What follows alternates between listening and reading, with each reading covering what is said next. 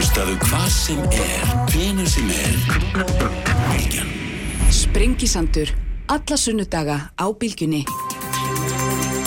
Sæli hlustendur, haldum að stað hér sem leðlikur sprengisandurum í dag umröðefni svo sem eitt og aðeins eitt en frá ymsum hlýðum og það er auðvitað þessi bjöfitans COVID-19 veira koronaveira, búanveira eða hvað hann kalluð svona almennt af Bjækitsson borgarstjóri verður hérna í lókþáttar þau verða hjá mér Ejólfur Átni Rapsson, Sigriður Ingebjörg Ingadóttir og Gilvi Magnússon svona miðvík þáttarins en þau eru sest hjá mér Þorgerur Katrín Gunnarsdóttir Lógi Einarsson Þórdís Kolbrún Reykjavík Gilvadóttir og Lilja Alfredsdóttir verið all velkomin. Takk fyrir.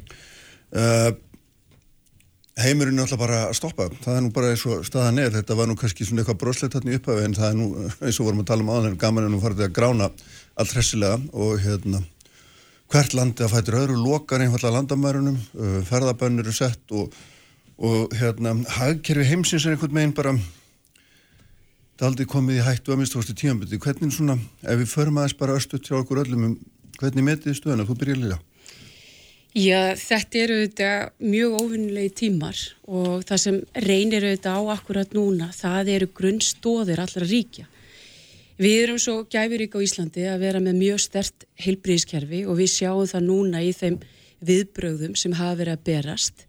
Við erum líka í góðri stöðu er varða ríkisjóð og við erum strax færni aðgerðir og frum var fjármála efnaðisra á þeirra síndi það varandi frestun og ofinberum gjöldum fyrirtækja E, við erum líka komin inn í aðgerðir er varðar starfslutva tímabundi þar að segja þannig að það far ekki að staða ómiklar uppsagnir. E, við getum gert þetta því að staðan er góð.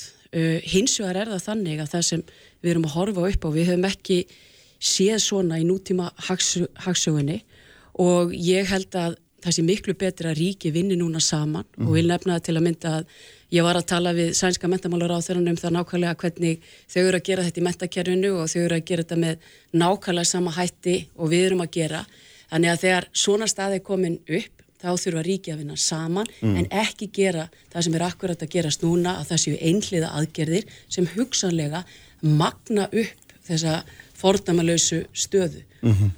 Þorgerur, ef þú tekur næsta kostum hérna, hérna á milli.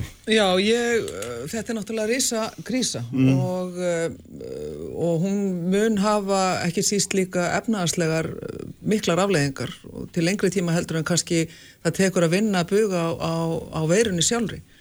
Uh, ég tek undir með Lilju, við þurfum að vinna saman þverst yfirlönd, þetta verður ekki uh, bundi við það að hvert og eitt land leysi þetta mál ekki frekar en lofslagsmálin. Mm -hmm. Þetta er bara svona dæmið um það að þetta er alheims vandamál sem við þurfum öll að vinna saman að og þetta er ekki e, tími fyrir politist sjónaspil það sem að, að stjórnmálarleituar heimsins fara að, að sína það hver er sterkir maðurinn hverju sinni að sterkar konar. Það er ekki, er ekki þannig.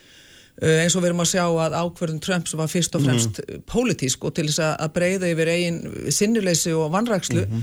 og núna sjáum við í Danmörku að það er búið að loka landamærunum og það strax er danski landlæknir byrja að segja, heyrðu, vel að merkja að þetta er pólitísk ákvörðun, þetta er ekki ráleggingar af okkar hálfu. Að því sögðu þá vil ég einmitt hrósa uh, íslenskum yfirvöldum uh, landlækni, sótvarnarlækni, víði og líka helbreyðsráþura fyrir það og, og fósættisráþura hvernig þær hafa komið inn í þetta og þær hafa einmitt farið að þeirra ráðu, farið að ráðum okkar góða þrýegis, ölmu, þóróls og, og víðis. Og mér finnst það skipta máli, mér finnst það veita ákveð öryggi og ég vil sérstaklega fagna því að því eins og ég segi málið er gríðarlega alvarlegt og það sem að ríkisjóttin þarf að gera mm -hmm. í samfunni við uh, hérna lögjaman sem slíkan að því það má ekki fara í, í eitthvað kapplaupum, yfirlýsingar eða, eða það er reyna að nýta þessa krísu sem einhverja ímyndarvakningu heldur miklu frekar þarf að veita skýrsvör, skýrsvör til einirkjana fólks uh, sem er að missa vinninu núna eins og innan skemmtarnahalsins, það er uh, í skemmtarnabransunum, það er uh, listamenn, menningar aðilar, það eru einirkjar, vísvegar, smiður og fleira sem að þurfa skýrum svörum að halda. En líka, en líka falla fólk sem að er ekki hægt að afgreða bara í einhverju, einhverju Excel-formúlu, því að við þurfum að taka sérstaklega utanum, utanum það, það er verið að henda því inn í einhvern ófyrir síðan hverfilind og þau þurfa öryggi að halda rútínu mm og þá þarf sérstakar lausni fyrir það alveg eins og eldra fólki sem er líka afmarkað inn á, á elliheimilum eða hjógrunarýmum og þarf á sérstakru um ekki að halda. Við þurfum að taka utan um þetta fólk. Þorðís, Já, það er nú verið komið margt inn, að, inn á margt sem að uh, er verðt að nefna, sko. Ég, þetta eru þetta algjörlega fordómlu staða sem við erum í og, og ég nú bara koma því að hérna að það er algjör samstæðan það enn ríkistjórnarinnar að fylgja ráðleggingum okkar besta fólks Mhm. og við höfum tekið hvert einasta skref í þá átt og við höfum uh, þessi svona stóru ákvörðan sem heilbreyðisáþurra er að taka og hefur þurft að standa frammi fyrir, hún er algjörlega bökkuð upp af ríkistjóðunum allri og mér finnst það skipta máli í þessum hérna, aðstæðum og, og ég eh, vona að okkur takist að halda yfir það og það auðvitað verður, getur vel verið að það verði erfitt, þetta er auðvitað útrúlega mikið langklaup og við vitum ekki hversu langt en það mun reyna á alls konar þól, bæði stjórnmálana, kerfisins, líkil fólks uh, og svo bara almennings. Við höfum eftir að fara í gegnum fleiri skref og þetta verður hérna, helgirina verkefni. En það er þessi svona heilbriðis þáttur sem við erum kannski aðeins síður að ræða hér í dag sem að hérna, uh, er í grunninu þetta sá allra, allra mikilvægast. Mm, já. út af það gengur þetta allt saman. Já, að. Við höldum hér heilsu og höldum Já, lífi, sko. Uh, og svo er þessi efnaðslegi þáttur og svo, og svo kannski það sem að snýr að útlöndum sem eru þetta að svo miklu leiti eitthvað sem að við höfum svo takmarkað stjórn á. Það eru svona ytri aðstæð sem hafa sér meira háttar áhrif á okkur hér. En uh, Lilja nefndi hérna aðgerið sem við höfum þegar farið í og svo eru frekar aðgerir til skoðunar. Uh, alls konar gjöld og skattar, annarkort frestun, gjalddaga eða fella niður tímabundið og annað slíkt.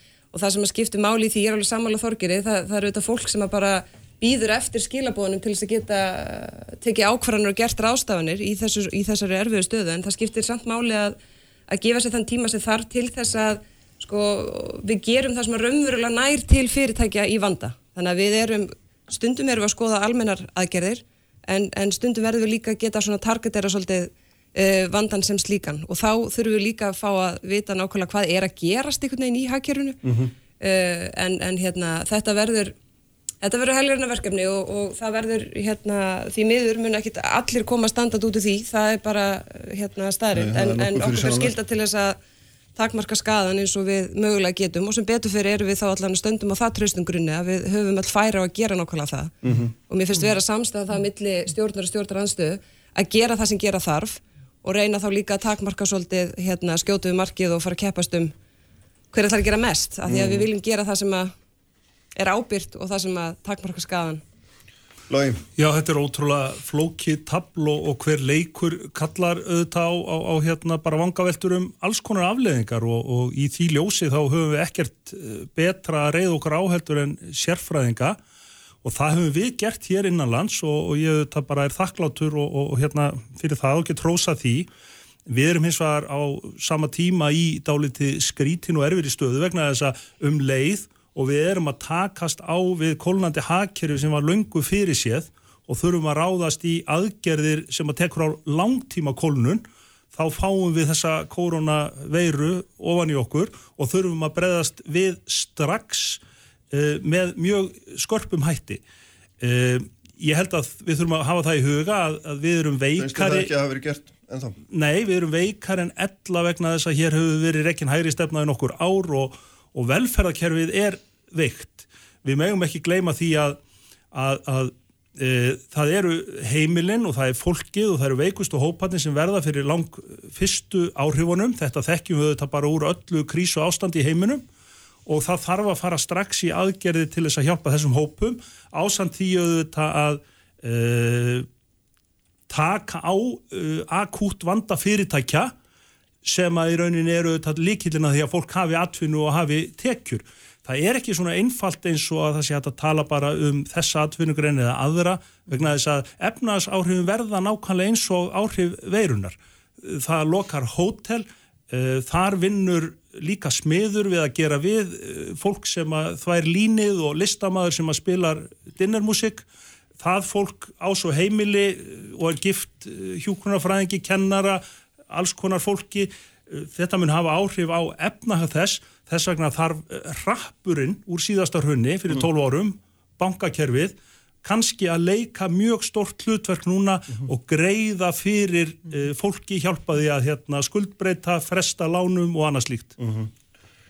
Sko það er margt hérna, hérna, Lilja, það er kannski svona, hérna, Sko það er alveg rétt, við vorum komin inn í samdrátt áður og nú er búið að hérna, endurskoða, Sælabankin er endurskoða hagvæstasbásinu var reynda komin í 1% áður en að, áður en að COVID kom inn í reikningin og hérna og fjármála allar ríkistofnarinn var núreld, þannig að þetta er nú svona það er hérna erfitt að sjá hvað, hvað blasir við og síðan sjáum við það að það er að skerðast auðvitað tekjumöguleikar okkar gríðarlega í ferðarþjónustunni sem ber nú sko hefur nú hérna skilar meiri gældirstekjum heldur en sjáarútvegur og alframlisla sama lagt nú voruð þannig að þetta er nú ekkert grín sem við erum að fara, fara að sigla inn í.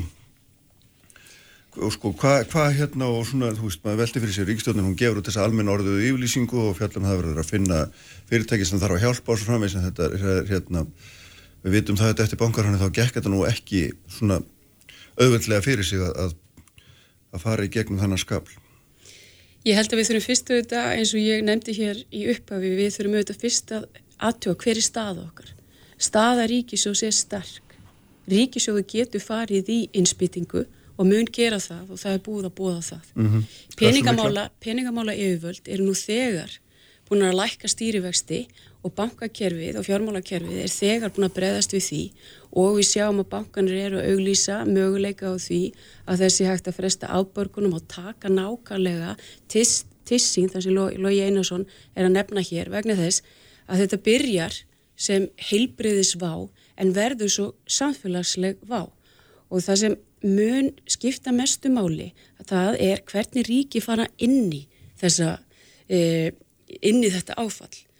Og við höfum uh, úr mörgu að spila til þess að gera þetta. Þetta verður erfitt, við vitum það og þess vegna er mjög mikilvægt að við stillum sama strengi það er að segja að við gefum hagkjörun okkar súrefni, við erum þegar byrjuð á því, við þurfum að halda utanum liðið okkar, mm -hmm. er varðar mentamálin, er varðar menninguna.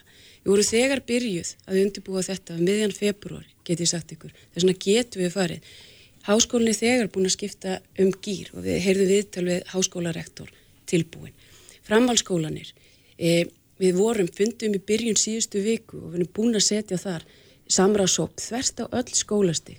Samráðsópur um menninguna, við erum að fara að funda klukkan eitt. Við erum búin að vera í sambandi við allt þetta fólk og líka íþróttarhefinguna því að það skiptir öllu máli núna líka að minga þessi samfélagslegu áhrif mhm. -huh. og við getum það. Uh -huh. Við hefum verið að auka núna í til að mynda á framhalskóla stíð þannig að það er tilbúið til þess að fara í þessa vegferð en auðvitað verður þetta flókið og ég segi þau ríki sem ná að halda utan heilbríðiskerfi sitt ásamt því að samfélagið geti tekið á þessum áskorunum það verða þessi ríki sem þykja sterk eins og staðan er í dag Ísland er þar, við erum búin að ná utanum, heil, við erum að ná utanum eins og við mögulega getum heilbríðiskerfið. Já, ég veit, en ertu við sem þú sért að sjá þetta rétt fyrir, þannig að nú erum við að tala um kannski fækkun í ferðarþjónustu, kannski 5-600 þúsund manns á tveimur árum, hvert þúsund er talað að skapi svona 8 til 9 störf, mm -hmm. þannig að við sjáum bara að þetta er gríðalög fjölda fólki sem er bara að fara að missa vinna. Það, Hvernig er þetta að taka stáðum þetta? Það er alveg augljóst, Kristján, eins og ég sagði, mm. þetta verður erfitt og þess vegna erum við að opna líka á mentakerfið okkar. Við erum að gera e, þannig, við erum að breyta kerfinu þannig að við, þeir sem að það sé hægt að minga starfslutvall þannig að fyrirtæki grýpa ekki til uppsagna eins mhm. mikilla. En það er alveg rétt, ég menna ferðarþjónustan hefur skapað miklar gældir í stekjur og vöxtur síðasta, e, ára, síðasta áratvín hefur komið úr ferðarþjónustu en við mögum heldur ekki gleyma því að þetta er veira sem gengur yfir. Mm -hmm. Lítum til dæmis til Kína, lítum til Suðu Kóru, hvað er að gerast í Singapúr, þannig e, það er búið að fjárfesta heilmikið í ferðarþjónustunni eftir ákveðin tíma verður mjög eftir svona verðt líka að koma til Íslands, þannig að við verðum líka svona að horfa á það, hvað höfum við, hvað getum við hver gert og hvað ætlum við að vera. Mm -hmm. Þorgerður, hefur þið fundist hérna þessar aðgerðvíkstjóðnarna sem hún hefur kynnt vera fullnægandi, góðar, rétt átt? Ég verða að segja að mér hefur þótt vanta á skýrsför og ég, sko, ég undrast að pínuleiti sérstaklega varandi fjárfæstíkar hlutan eins og margótt hefur komið fram. Við vorum byrjaði niðursveifli í efnaðasmálum fyrir rúma árið síðan Uh, og það er búið að vera að halda marga blagamannafundi þar sem eru tilkynntar alls konar miljardar til, til fjárfestinga. En það hefur komið á óvart að við skulum þá ekki vera tilbúin núna emitt í, því við kemur, komum fyrir minni í þessu óvantu krísu með veiruna uh, ekki tilbúin með einmitt öflugt fjárfestingaplan, þetta er að koma vissulega, það bara, ég ætla að segja það ég bara vonast til þess að þetta sé að fara að koma. En varðandi fjár, eh, mannafsfrekar framkvæmdir að, að ég hefði vilja sjá eitthvað plan byrja núna strax við í viðrest við höfum líka lagt áherslu á það að flýta lækkun eða fella niður tryggangagjaldið tímabundi af því þetta verður áhljöp núna. Það þarf að- sko afgerandi aðgerir, aðgerir strax og það er alveg rétt sem að til og með þetta Bjarni sagði fjármálar á þeirra að, að við þurfum að vanda okkur að því við eigum ekkert mörg skoti í byssunni. Og svona fyrsta skotunum var kannski hleyft af á föstudaginn, það var, það var gott skref, en það sem mér fannst eins verra er að, að samkvæmt heimildi mínu til að mynda innan efnaðarsnefndar að, að það er fólk sem er að spyrja eðlilegara spurninga, fólk sem hefur reynslu úr atvinnulífinu, er ekki endilega þekkt fyrir það að vera með upprúpanir, að það er að spyrja spurninga, getur við tekið, breytt þessari tillögu þannig að þetta tæki meira til lítilla fyrirtækja, meðalstóra fyrirtækja, getur við gert og nýtt skotið enn betur, það mátti bara ekki ræða það. Þannig að ég er sammála því sem að sagt hefur verið hér, við höfum að stilla saman strengi. Það þýðir ekki að við þegar við erum komin að pólitískum ákvörðunum, að við í stjórnarnarstöðunni séum sjálfkrafa stimpilbúðar. Að þessu sögðu þá vil ég ítreka það að við fáum upplýsingar, þannig að við fáum og gerum okkur grein fyrir því hvaða sviðsmyndir er að baki tillögur ríkistjórnarinnar. Hvaða tillögur hún hefur til að mynda varðandi heimilin í landinu. Það verður hérna verðbólkuskot. Hvernig er einhver sviðsmynd til að mynda um það hvernig heimilin myndir standa þegar árið er, er liðir. Þannig að við þurfum að skoða það líka og það þarf að taka ákvarðanir, ákvarðanir þar. En ég undirstryka það, þetta er ekki e, tími fyrir porkistjórn eða stjórnaranstöðu til þess að fara í, í eitthvað uppbóðskaplup. Það má ekki gerast. Það er bara fenginu reynslu, til að ke- tengslu við hrunið. Ef maður horfir á það hafandi verið þar, mm. bæði stjórnarflokkar en ekki síður stjórnaranstæða þá á sínu tíma. Þá voru allir að hugsa um í rauninni hvernig hver og eitt flokku kæm út úr þessu, koma með tillögur, fara að bjóða betur og meira. Þess vegna líkillin að þessu er að við tölum saman og mér finnst fósættisráð þeirra að vera að koma þannig fram að hún, hún er reyna að gera allt sitt hvað þetta varðar en það verður ár, árun, þetta verður, það er ári kostningar, við skulum bara vera raunsæ. Að það flokkarnir hvað sem þeir eru stjórn eða annar staðar þeir fara í þessu upplip og við erum að sjá það bara strax byrjað að við áttum að byrja að loka landinu, við erum að, fara, við erum að sjá þingmenn og fyrverandi þingmenn meðal hans framsóknarflokksins sem að er að koma með evasendur um það að, að veiri sérfræðingarnar okkar séu að, standa sig. Mér finnst þetta ekki rétta leiðin en við, það þýðir ekki að við getum ekki spurt eðlilega spurningu. Við verðum í Ég- ég- Ég aðeins að fá að koma inn í þetta. Mér við finnst ég verðum- ég ég ég ég, í ég ég að fá að spyrja ég við ég- verðum að fá að ég spyrja eðlilegra spurningar í stjórnaranstöðuna og það má ekki vera viðkvæmt við viljum öll eh, sko leggja okkur lið í þessu. Og bara takið því ég þannig. verð ég verð bara aðeins að bara- fá að, að þú hefur 20 sek- já, el- eldsnöggur, þegar, fleiri að komast að. tala um að gera þetta ekki að pólitík Mhm. hér er hún að draga fyrverandi þingmenn framsóknarflokksins að borðinu. Þorgjur Katrín er að gera þetta að pólitík. Þannig að við skulum, við finnst þetta sorglegt að fara svona inn í viðkvæm mál með þessum hætti og ég byðla, ég bara byðla til fólks að sína ábyrð Mhm. á þessum tímum Já. Ég tek eindrið undir það og þá byrð ég ekki síst Lilju og framsóknarflokkin að sína ábyrðið þess og ekki að fara í kapplöp um yfirlýsingar og aðtikli heldur við stöndum öll saman í þessu. Ég bara, veistu, ég verð bara að segja mér hérna, þetta með já, hvernig ok, fórum að viðvisnar hérna- hegða sér á þessum tíma og ég bara frábið mér svona málflutning og ég vona að viðreist Lilja mín, stöndum saman. Heyrðu, nú skulum við leggja að þetta til hliðar í bíli. Kæra Lilja, stöndum Já, saman. heyrðu, Þordís, næst hérna, Þorgerur líst eftir svona skýrari aðgerðum með ykkar hálfu, hérna, plönum lengra fram í tíman, fjárfestinga áallunum, fleiru. Hva, hvað sjáum við? Þú ert náttúrulega með hérna, langarfiðasta máli á þinni konnum sem er ferðarþjónustunni í augnablíkin allavega. Við vorum að tala hérna um mikla vá í orkumálum, það er allir búin að gleyma því hérna fyrir tveim vikum eða þremur. Já, það er ekki eitt, það er, það er einhvern veginn allt sko. Uh, en aðeins, sko, að því að Lógi nefndi þetta varðandi ferðarþjónustundu snýrst ekki bara um hana og það er alveg rétt, auðvitað, það eru yðnað menn sem að fylgja þeim verkefnum og umfangin eru allstaðar og menningin og Já, já, listirnar og já, allt, allt já, á að gera þetta saman. Já, já. En það er einmitt þess vegna sem ég hef verið að reyna að leggja áherslu á það að, að höggið kemur fyrst og er komið og verður meira á ferðarþjónustuna og það fer síðan út um alla kima samfélagsins. Ekki bara vegna áhrifana sem að eru utan um ferðarþjónustuna heldur bara að það fer síðan yfir samfélagið allt. Og munurinn að því við erum ofta að tala um hérna 2010 var gós og við fórum í markasáttak og hlutinir einhvern veginn þróist í, í góða átt. Munurinn núna á þá er auðvitað, þá var þetta einskorða hérna við Ísland, gósið.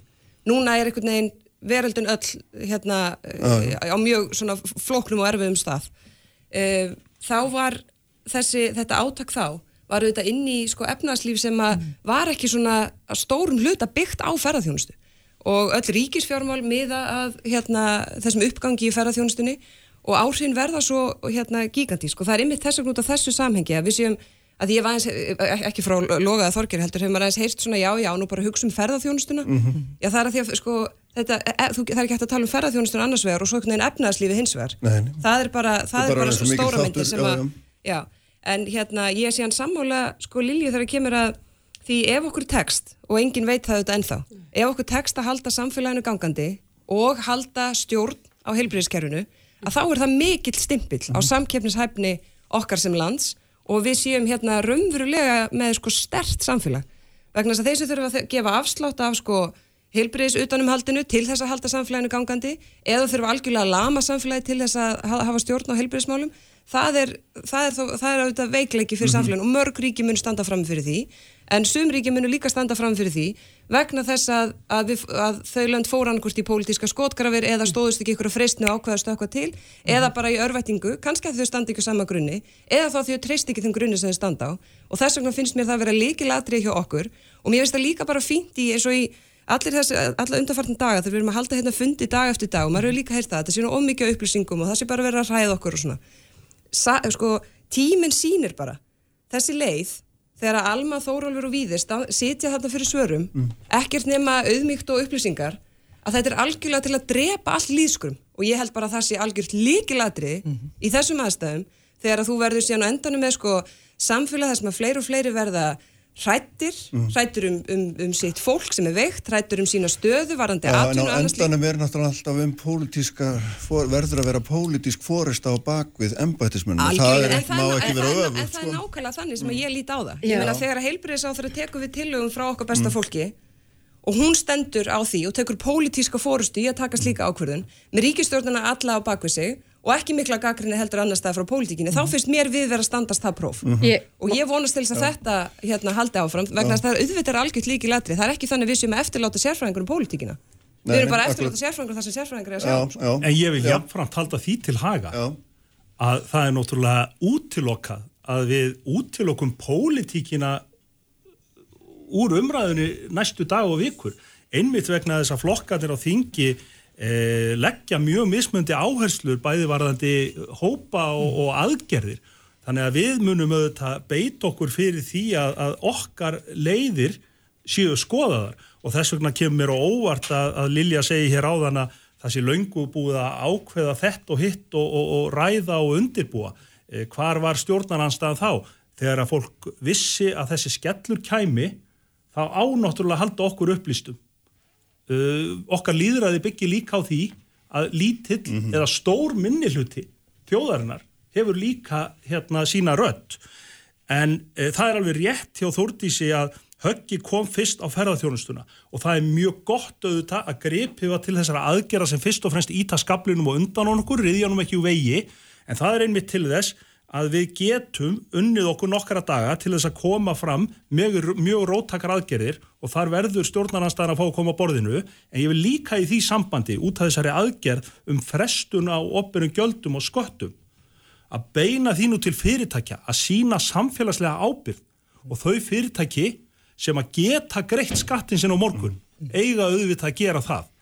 En þetta setur líka hérna samfélagið okkar í nýtt ljós tökum til dæmis þær aðstæður þegar að heilbriðiskerfið þarf að fara að kalla inn einstaklinga sem eru hættir að vinna ætlum við að gera kröfu um það að sjúkraliði komi til starfa þau munu örglega að gera það en getum við ætlast til þessin samfélagi þau geri það, vitandi það að okkar skerðingakerfi er með þeim hætti að þau fá sáralítið fyrir það. Við þurfum að nota þetta tækifæri líka til þess að skoða okkar prinsip, standa með fólkin í landinu vegna þess að veikast í hleppkurinn þarf einfallega að vera nógu sterkur í þessar aðstæður.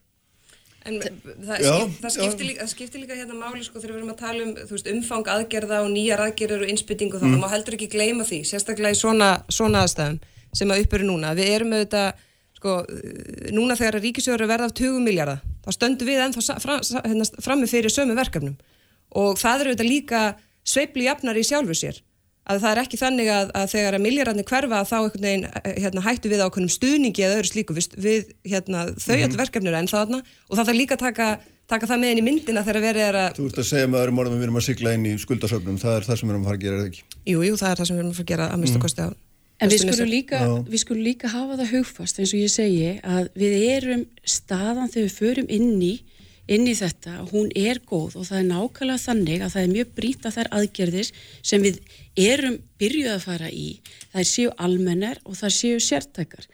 Eh, Það eru ekki öll lönd sem eru í þessari stöðu, það sem er öflugt heilbríðiskerfi og við sjáum það akkurát núna að þegar til dæmis það er tekin þessi ákvörðun um e, takmarka skólahald. Þetta er auðvitað gerst að tillugu sóttvarnalæknis ákvörðun heilbriðis á þeirra og við tökum á móti því að algjöru auðmygt, við erum búin að vera alla helgina að skipulegja það hvernig sé best að fara inn í þessar aðstæður með það að markmiði að huga heilbriði þjóðarinnar, huga að því að samfélag okkar gangi áfram, nýta þær bjargir sem við erum með. Við erum búin að vera að sapna í öflugan gjaldirinsvorða á síðustu árum. Þannig að auðvitað verður þetta erfitt og auðvitað verða að skipta skoðanir en það sem ég er auðvitað að segja hér núna og líka við þjóðina það er brínt að standa saman sína ákveðna auðmygg aðtúa líka hvar við erum sterk fyrir hlúa algjörlega að þeim sem minnst, að þeim sem minnst með, með hva, hver, er, hver myndi innspýting ríkistjórnarinnar vera er raun og veru? Hver, hversu, um hvaða tölur erum við að tala? Það hlýtur auðvitað að fara eftir því hvað, ég menn ef við erum að horfa á til að mynda innviða fjárfestingar, að þá er eitt að tala um eitthvað átaka eftir ár, næstu 25 ár og annar að tala um hvað er hægt að gera núna og það þóðu þetta lítið til þess hvað er raunhaft að byrja á strax. Ég menn ég vil þótt að væri, er þið allt í einu rosa samstæðum að keira hérna sundabraut, þá er það ekki verkefni sem við förum í núna vegna þess að það er óraunhæft. Þannig að fjárhætna Já. taka auðvitað með því hvað er raunhaft og hvað skilur ára. til dæmis, sko, við erum auðvitað með fjárfestingar sem eru tilbúnar og það er verið að kynnta núna í lóknæstu viku hver staðan er. Ég til dæmis, við erum tilbúin til þess að fara í breytingar á MR, við hófum, hó- hófum, hófum það að byggja hús íslenskunar. Ég meina það eru alls konar fjárfestingar sem við erum að fara. í. Ég ætla líka að nefna annað. Við erum Það hefur verið mjög ánægilegt að sjá að þessi áhersla að setja e, meiri aðtikla á starfs- og tækninám og það hefur aldils verið að skila sér og mikil aukin eftirspurn eftir að því að fara í yðnám og hún er það mikil að við þurfum að bæta enn fyrir ekkar í. Ég sé það fyrir mig til dæmis núna, við erum nýbúin að klára samkomulag við samtök yðnaðarins og samtök íslenska sveitafélaga að auka þar í. Það eru líka varandi menninguna, menningin er algjörlega framúsgarandi á Íslandi. Auðvitað komum við með stuðning það sem ávið Já, ég hérna í svona, það er náttúrulega ljótt að tala um tækifæri í svona remmingum, en ég held einmitt í gegnum mentakerfi og það er alveg rétt sem hefur komið hér fram. Ég held að núna er ákveðin tækifæri líka fyrir okkur að ebla mis mentatæknina. Við vitum það að það Nýsköpun hjá hennu ofinbæra almennt. Já, já, bara, það er bara verður að gera það og ég held að það er eitthvað byrjað, ég fagna því, en ég held að við höfum að nýta þetta einmitt til þess að, að byggja upp og fjárfest í mentatekni. Það síðustu mentamálur á þeirra hafi ekki gert það, auðvitað er það verið sett forgangs og ég ætla ekki að gaggrina það beint, en í dag hefði það verið gott ef að, ef að til að mynda framhalskólar uh, og, og skólanir okkar hefði verið tilbúinir í það að fara í öfluga, fjarkenslu, nýta tíma núna þegar við erum meira og meina öll komin í, í samkomi og, og, og sótkví. En, en eina það er, það held ég að skipti máli. Ég held líka að, og það er rétt líka sem að skiptir mjög miklu máli að að skuldir ríkisjós hafa verið greitar niður og verið minna skuldsett heldur en áður. Fyrir íslensk fyrirtæki líka, en þau eru samt að meðaltali meira skuldsett með að við ósitt heldur en, heldur en uh, meðaltalið segir. Það segir að við þurfum að opna inn lánalínur inn til bankana og ég hvet bankana og stjórnvöld sérstaklega til þess að gera ekkert ósvipað og, og Evróski Sælabankin er að gera það sem hann er að auka lausa fyrir bankana, reyna að, að stula því að, að, að það verði greiðar leiðir fyrir einmitt þetta áfall sem að verður núna. Sum fyrirtæki muni fara á hausi. Verið að auka lausa fyrir Já, það er verið að fara að byrja á því og ég held að þetta sé mjög mikilvæg fókus bara til þess að reyna að koma í veg fyrir hér, hér fjölda atvinnuleysi. En síðan er hitt að auðvitað er, þú veist, ég er að líka að spyrja mig alls konar spurningar, ekki bara út frá stjórnmálum, bara alls konar spurningar sem vakna, sem, sem móðir og, og bara og hluti af fjölskyldu og þess vegna þarf maður ákveðin skýr skilabóð frá, frá, frá stjórnvöldum og það er það sem að ég held að skipti mestu máli og ég þreytist ekki á að tala um þetta samtal á milli stjórnar og stjórnarnastu og það er ekki bara eitthvað gaspur, við megum ekki gleyma því, já, þegar er er áfall og þegar eru krísur að þá er, það, má líðræðið ekki gefa eftir. Líðræðið er ekki vesen.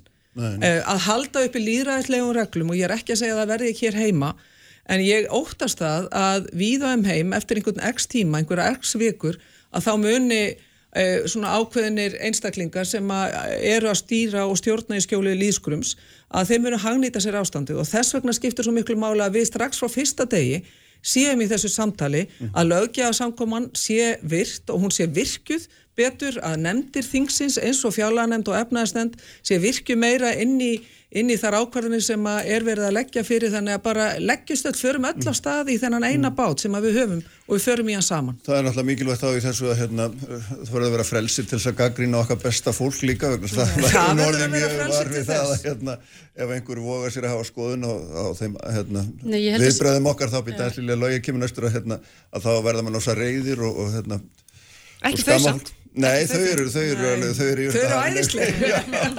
En Logi, hérna, síðust orðin þetta og svo langar með þess að tala um hérna, aðeins um umheiminn í þessu samingi. auðvitað þurfum við að hafa hérna leifi til þess að gaggrína en það er bara mikilvægt að við gaggrínum þó út frá þekkingu og, og í, í, í þessu tilfelli sem nú erum við að tala um sko, þá held ég að hérna, okkar, okkar örlög séu nú best í höndunum á uh, sérfræðingunum okkar sem er að taka þessar ákvarðir fyrir okkur pólitíkin tegur svo í rauninni fer í aðgerir út frá þeim bestu hérna, bestu vissnesku en mér langar að koma inn á sem að þegar það að er ekki til. tala er um núna Við sko, við þurfum að hafa auga á vandamálum samtímas núna, klárlega en við þurfum líka að halda fókusnum á framtíðinni. Og núna þegar við erum að fara í stór fjárfestingaverkefni þá þurfum við auðvitað að passa að þær aðgerði séu ekki bara einskoraða við fámennan hóp og, og, og, og, og svona kallagan einslitan hóp hér er talað um opera framkvæmtir eins og skóla og allt slíkt er mikilvægt. En við þurfum líka að passa okkur að taka ekki allan kraftin yfir í þann hluta byggingagerans og vannrækja uppbyggingu húsnæðis til framtíðar vegna þess að við vitum hvernig uh, íbúðaverð þróaðist í kjölfar kreppunar þegar ekki var byggt í nokkur ár. Uh, það kom nú heldur betur í andlitið á fólki. Þannig að við þurfum kannski hugsanlega ríkið að fara bara í átak í uppbyggingu íbúðar húsnæðis og, og hérna tryggja það að allir hafi gott húsnæði á viðræðanlegu verði.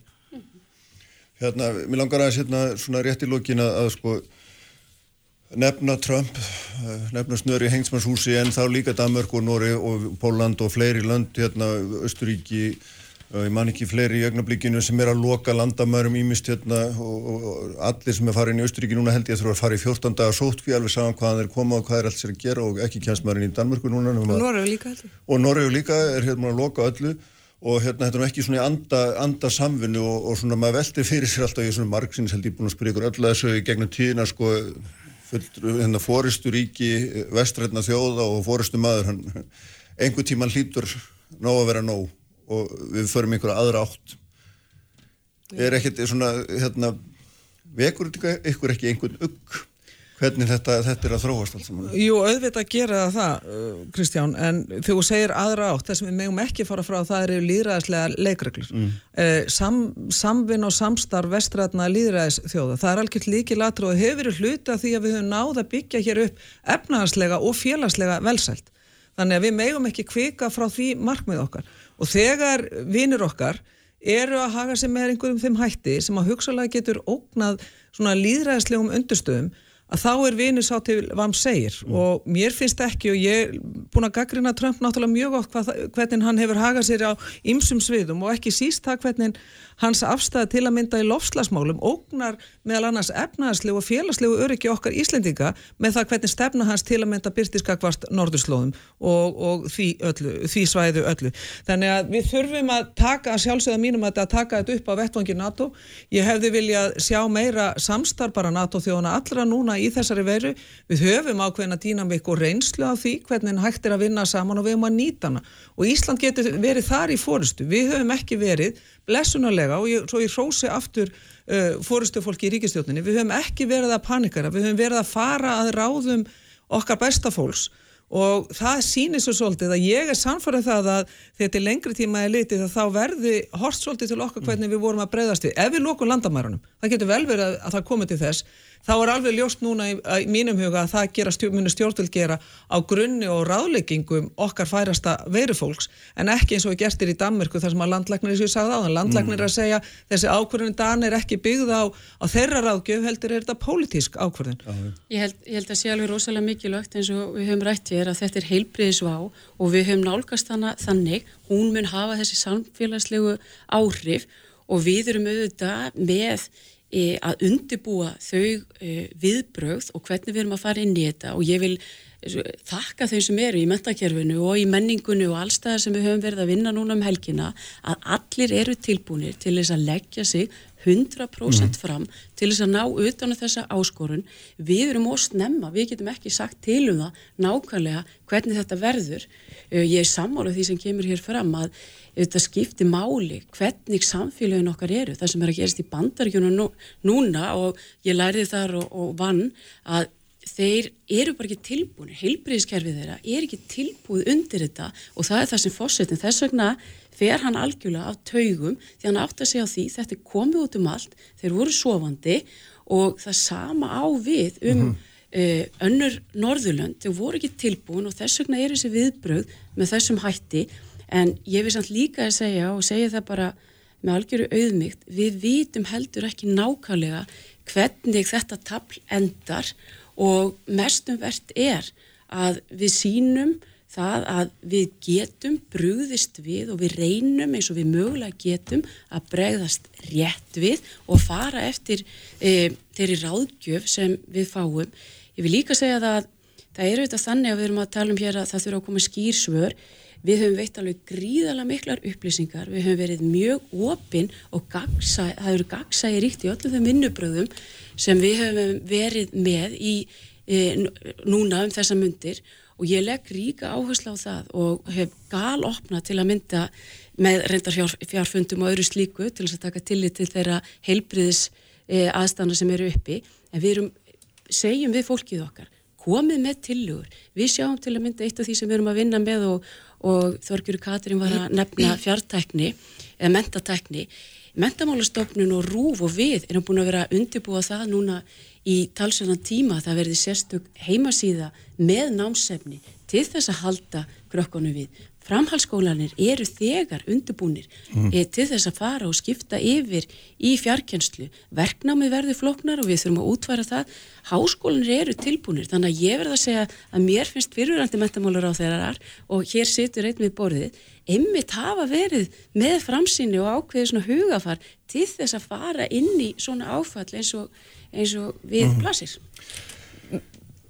Já, bara til að, að, því varst með spurningu hvort að hérna, við höfum á, áhyggjur af uh, svona alþjóðapólitíkinu og viðbröðum ákveðinu fórstumanna þá svarum við mitt við þeirri spurningu bara já. Uh, hvort sem litið er til bandaríkjana eða landa sem eru nokkur mun nær og, og hérna mér finnst þetta mjög umhugsunavert og maður átt að segja ekki alveg á hvert þetta leiðir sko. Uh -huh.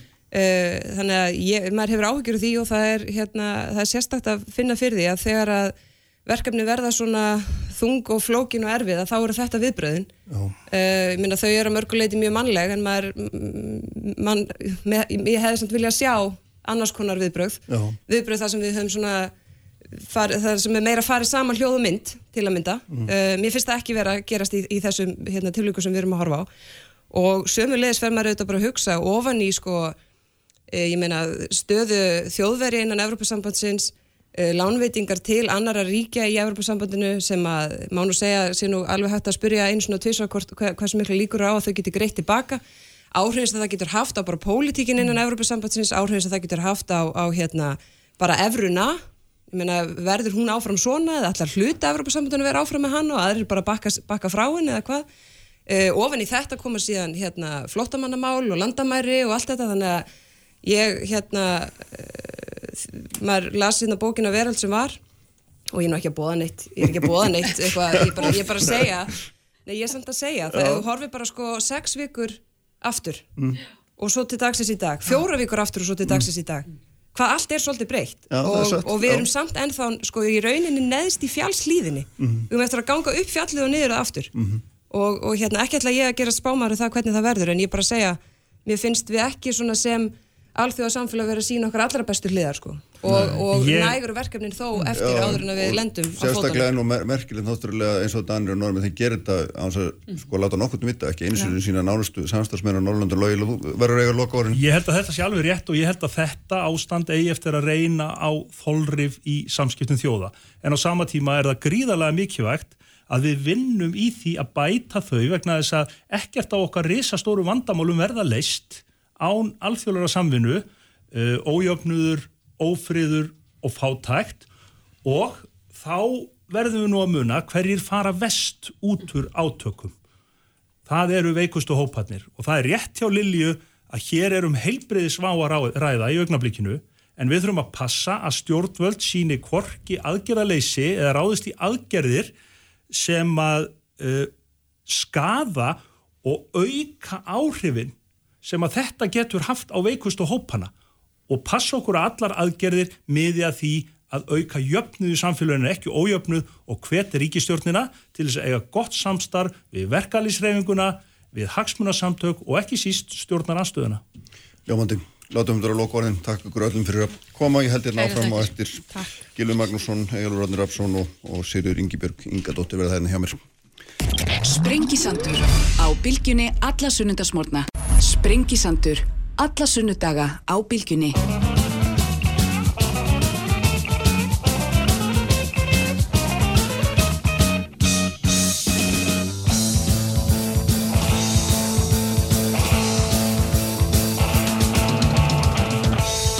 Já, góður hálsar, þá höldum við áfram hérna á Sprengisandunum í dag. Uh, Þau eru, þau eru farin frá mér, Þorgerður Katrín Gunnarsdóttir, Slógi Einarsson, Þordís Kolbrún, Reykjörg Gilhjóðdóttir og Lilja Alfredsdóttir. Uh, Ég ætla nú að halda áfram með sama efni náttúrulega. Þau eru sestjá með Sigurður Ingibjörg Ingadóttir sem er hagfræðingur BSRB, Egilur Róðnir Rapsson sem er formaður samtaka Atvinnulífsins og Gilvi Magnússon sem ég kalla náttúrulega, ég vann grunnáttu minna æfinlega prófessor, en veit hann er ekki prófessor. Hvað er þetta, Gilvi? Ég er dósend. Dósend er það, já. Takk að þér. Jú, jú, en þetta er sko upphæð en ekki hitt já, Heyrðu, verðið velkomin og hérna, sko, við skulum halda aðeins áfram að fjalla um þessa veiru og áhrif hennar Gilvið, mér langar svona bara, ef ég má byrja á þér sko, því að maður sér nú mjög marga þekta og virta fræðimenn tala um uh, svona einhvers konar heimshrun sem að hérna marganhátt sé alvarlega en 2008 þó það sé allt öðruvísi.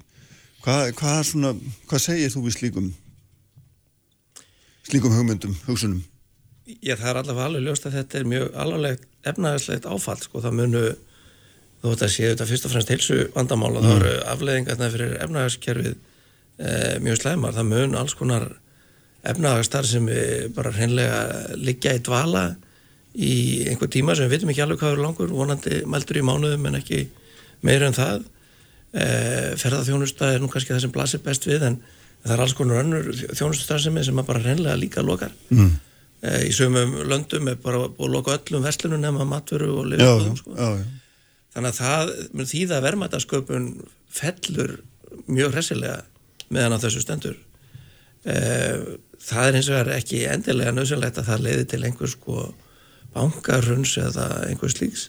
En, en til þess að koma í veg fyrir það þá þarf við þetta að, að grípa til aðgera til dæmis þarf bankakerfið að bregðast við vanda viðskiptafina sína komið veg fyrir að þeir hreinlega neyðist þess að segja fólki vegna lausa fjárskort og dæmis í tekið og svo náttúrulega þarf við ofnbæra að gera líka hitt og þetta mm. eh, meðal annars atvinnleysisbætur og sjúkradagpenningar og, og aðra slíkar aðgerið bara til þess að einstaklingar lendi ekki í eh, einhverju alvarlegri fjárhagsleiri greppu ofan á þessa já.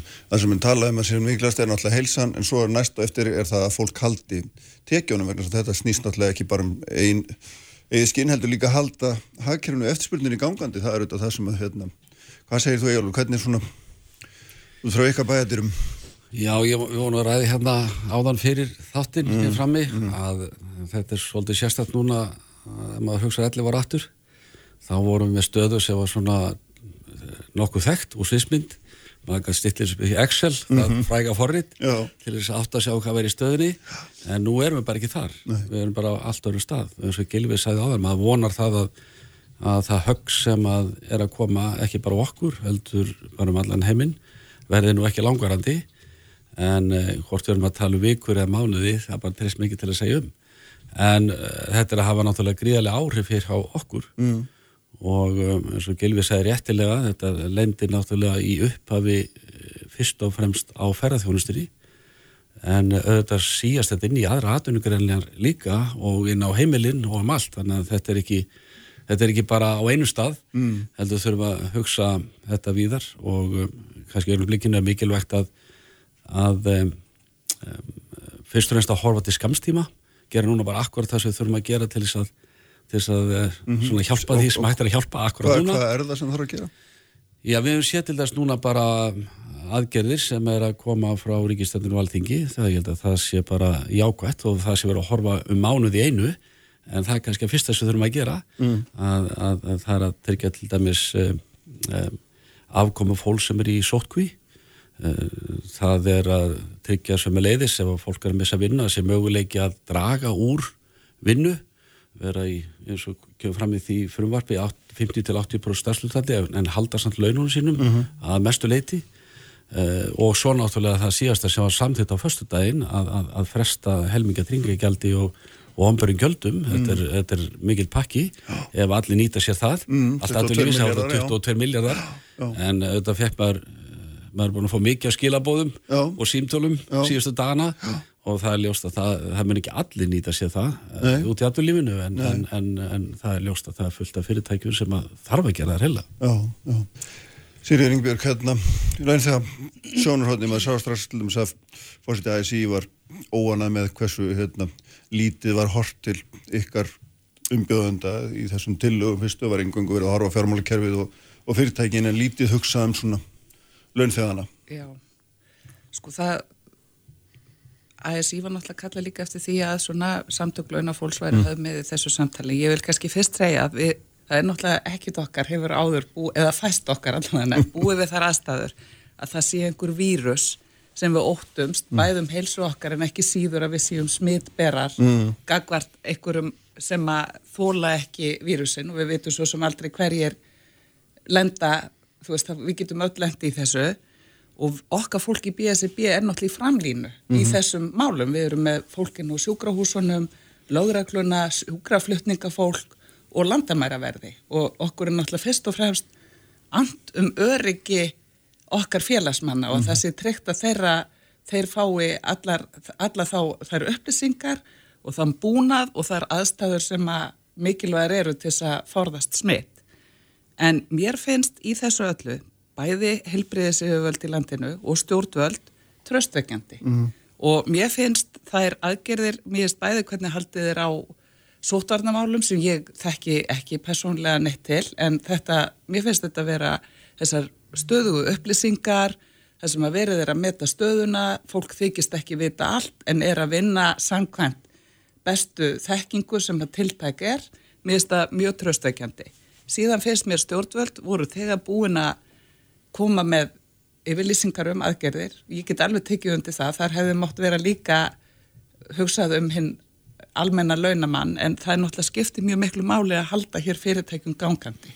Að þau fyrirtæki sem eru lífvænleg geti hafi rekstur fljótt og öruglega mm þegar við komumst út úr þessu ástandi sem gerist auðvitað lókum hvena sem að það verður. En hluta atveilumleysisbætunar skipta mjög miklu máli sem verða vantarlega lögum í næstu viku, laun í sóttkví og svo verður þetta skref fyrir skref því það eru auðvitað fullt að sjálfstætt starfandi fólki sem er þegar komið í mjög alvarleg vandræði og á ekki sama öryggisnett mm -hmm. og þeir sem er í föstu ráðningasambandi og síðan munum við eflaust sko fara mjög fljótlega að sjá ímsan greiðslu vanda hjá fólki og þetta verður náttúrulega bara eh, sko verður við öll að tryggja bæði öll sem erum aðeila vinnumarkaðarins að það sé gengi hrætt til verks, og verið að vakta slíkt. Mm. En þannig ég vil kannski bara segja ég held að mér, mér finnst það tröstikend í öllu þessu að það er unnið af heilindum og fagmennsku og verið að reyna að setja fyrir þá leka sem hægt er að setja fyrir á þessari stundu. Mm -hmm, mm -hmm. Gilvi,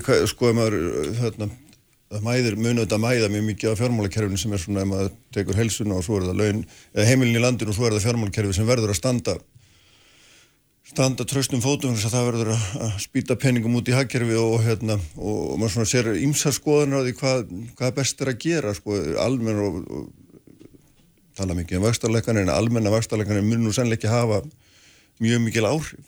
Heldur er þetta þetta að vera einhvers konar annars konar hérna, aðgerið til þess að halda aðunulífu gangandi eða ekki?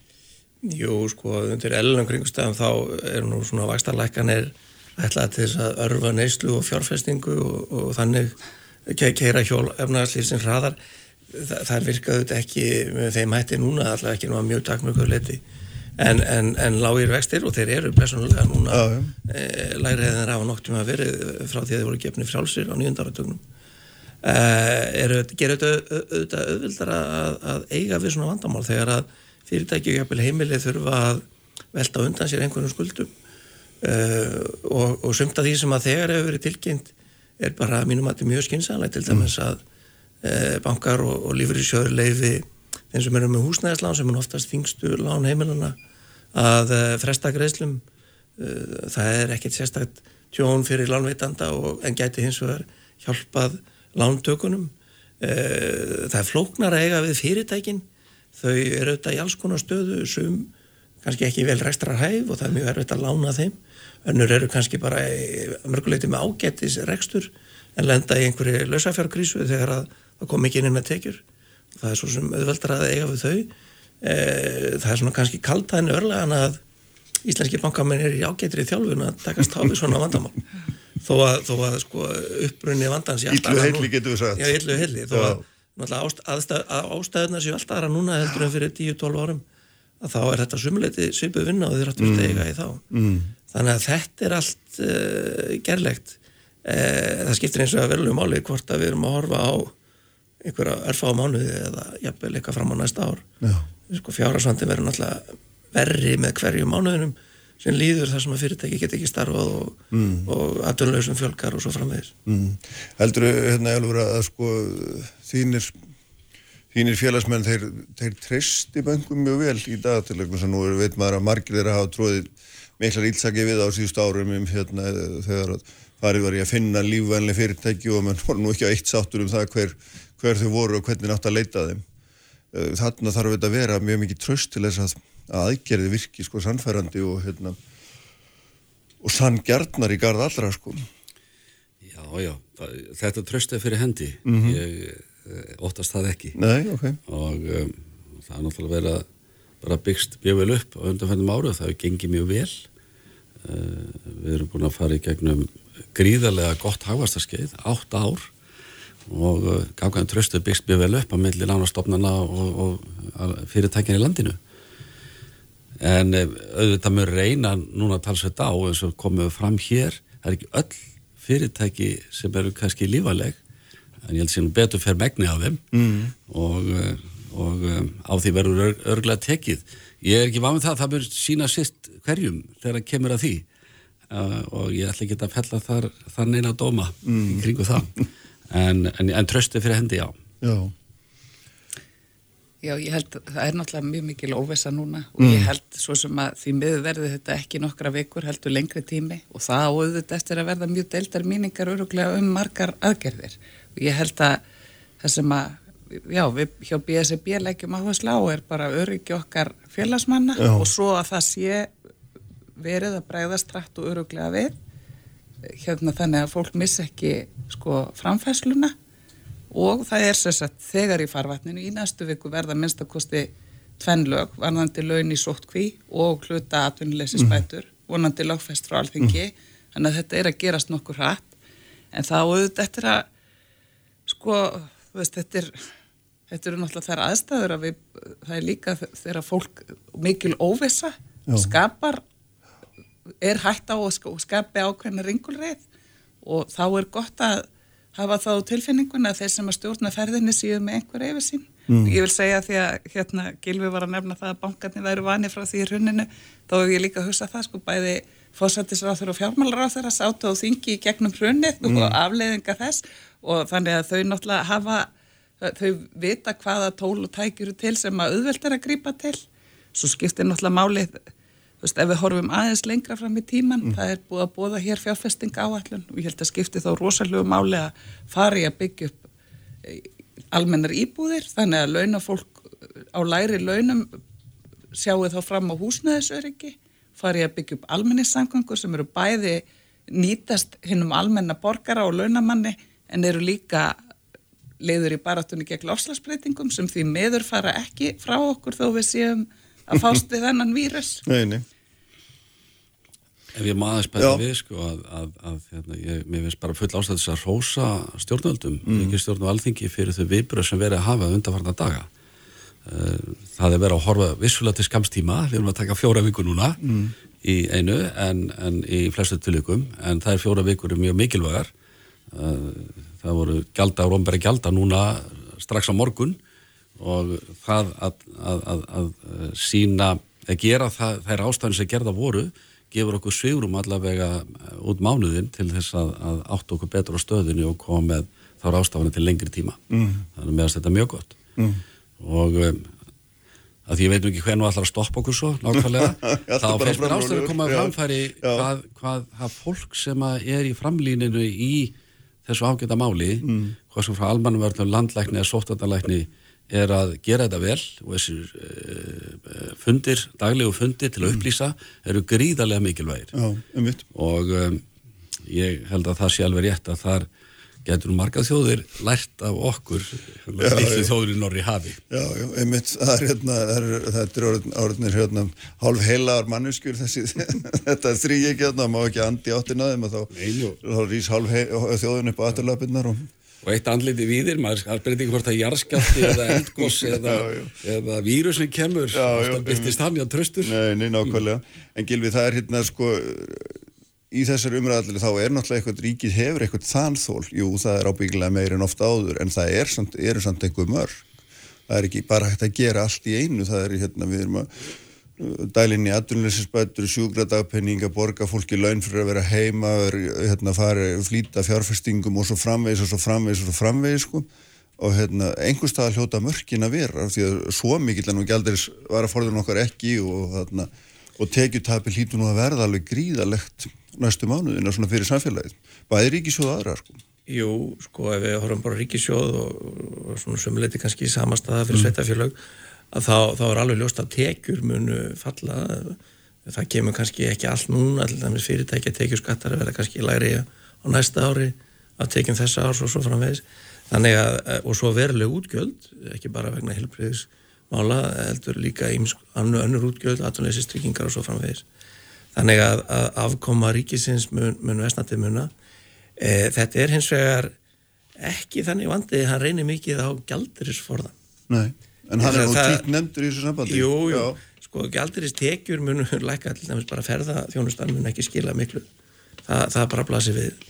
En um leið snar minka útgjöldin, sko, þegar að þjóðin sittur bara heima og fær heimsendan mat og horfur á Netflix, þá eigðum við ekkert mjög miklu í útlöndum heldur. Nei. Þannig að, að, að ég er ekkert svo vissum að þetta mun reyna mjög mikið á gældirisforða. Þannig að e, þetta er kannski spurningum það að, að ríkisjóður eigði krónum og eh, blessunulega þá er engar horfur á því að hann verið uppskropp með þær mm.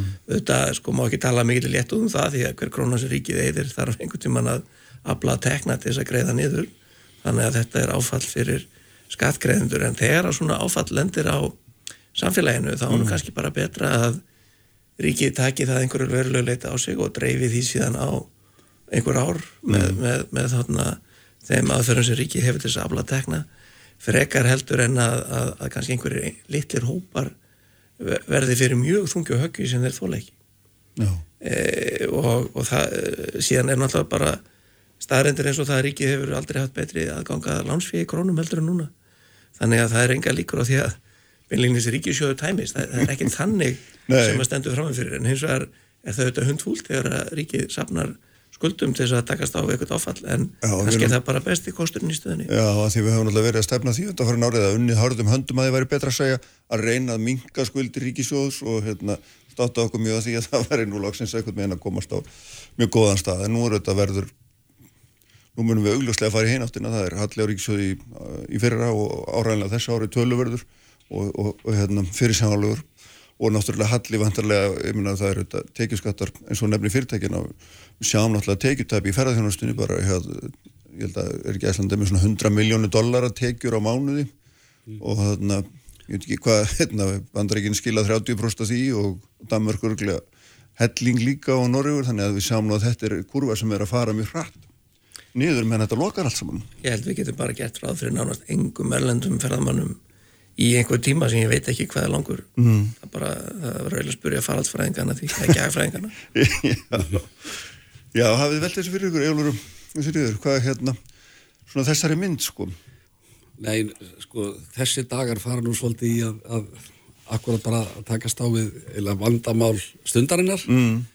þannig að við erum ekki komið þangað að, að horfa fram á veginn en það mun að fara að gerast núna næstu tegn-tegn vikum. Já það er rétt þú segir að það er mjög mikið en þegar þessi félagsmenn þínir eru að ringi þú mm. segir að það er ótal símtöl hvað er það sem svona hvað er það sem brennur á þeim? það er nú fyrst og reynst það sem brennu á náttúrulega núna mm. í síðastu viku var náttúrulega vissulega e, að það verið að missa mjög margt fólk í sótkví mm. og atverðingundur hafa nú verið að greiða það laun Já það var nú ekki svona spennandi hérna, framkoman hjá ykkur upp af því Var ekki? Var, nei, það var svona, hún vakti nú ekki mikla hrifningu. Ég held að hún hef verið mjög miskilin. já, já, já, gott og vel. Ég held að þar hafi aðlunni sínt gríðarlega ábyrð og við sagðum alltaf að það er ekki alveg ljóst hvort mm. þetta er veikindiréttur sem þarna við eða ekki mm. en uh, ég held að það aldrei verið sagt að aðlunni myndi ekki standa uh, við sitt og mm. hugsa vel undir sitt fólk. Ég þekki engan þann aðlunreikandaðinnan samtakana sem mm. að vill ekki haldi sitt fólk og hugsa vel um það. Þú vilt frekar hafa fólk heima á launum að setja af sér e, sótkina mm. heldur að taka hættu að fá viðkomandi í vinnuna og vera með allt fyrirtækið undir já, það er grínlust en það voru einhverja rattir úr eitthvað röðum það þetta væri suppað að vera eh, þú væri í burtu vegna ófærðar ég held að það hafi verið einu mjölin já, við getum delt um alveg samlíkingar mm. þær hafi verið heppilegar ekki mm. en uh, þær voru ekki rángar og uh, niðurstað var nú svo að, að uh, það voru tilmæli sem fóru frá okkur til okkar félagsmanna að eh, greiða fólki laun og það er nú frumvart núna framöndan um, sem að fer fyrir þingvæntalega á morgun um, um einmitt að tryggja laun fólks mm. eða endurgreðslu að hlut af þeim kostnaði meðan að sótkvist endur yfir og um, það er nú bara í samræmið það sem að, að við undritum með stjórnvöldum og ASI mm. en uh, við vorum bara vekja aðtegla á því að, að vera í sótkví lagalega séð ekki skapar ekki endilega veikindarétt. Og það er önnuleikin mm, mm, mm. en fólk er ekki skilja þetta á kvöldum flaka. Já, ég veit það, en hérna þetta átt að vera svona samfélagslegt áttak þá virka þetta aldrei kaldranlegt Jú, jú, ég vil nú meina að við höfum ekki verið kaldranlega þegar það staði heldur staði bara með okkar fólki. Já, en þess að það er, er hverju fyrirtæki er, er, er starfsfólkið mikilvægast í þátturinn í rekstri fyrirtækisins? -hmm. og uh, það er þannig í öllum tilvikum. Já auðvitað standa fyrirtæki mjög misjaflega eh, það er hægt að eh, vinna mjög mikið að heimann og það er verið að gera það í dag en svo eru fyrirtæki framlegslu veitingahúsin yðnaða eh, fyrirtæki á byggingastað mm. og, og fleira og fleira sem er náttúrulega bara að stoppa um leið og fólk er farið og vinnur það ekkert annar stað frá nei, nei. og þannig að aðstæður er með misjafnar mm. þannig að mm. mörg fyrirtæki halda sínum tekjum þó fólk fari heim en önnur bara gera það ekki. Framist þetta niður og tekja þetta með. Já, og það er grínlust Ég held að þarna komum við fram sko þegar þetta mál kemur upp og þetta ASI sem er með mjög náttúrulega almennamarkaðinn meir og minna mm. undir í sínum ranni. Þau bröðust mjög skjótt við og síndið mitt hvað sterk hreyfing skiptir máli og fóru eiginlega bara svona svældu fram stjórnvöld og mm. atvinnureikundur að borðinu og þá var farið í það að finna lausna þessu máli. Þannig að það var það skiptir máli að þeir sem eru að gæta hagsmuna annars vega launafólks og hins vega fyrirtækilandinu séu saman við borð því að þetta eru þetta verkefn okkar aðra. Mm. Það að fyrirtækin lifi af skiptir launafólk máli og það að launafólk njóti öryggis skiptir máli fyrir bara hérna, sko hvað var að segja, ástandið í landinu mm.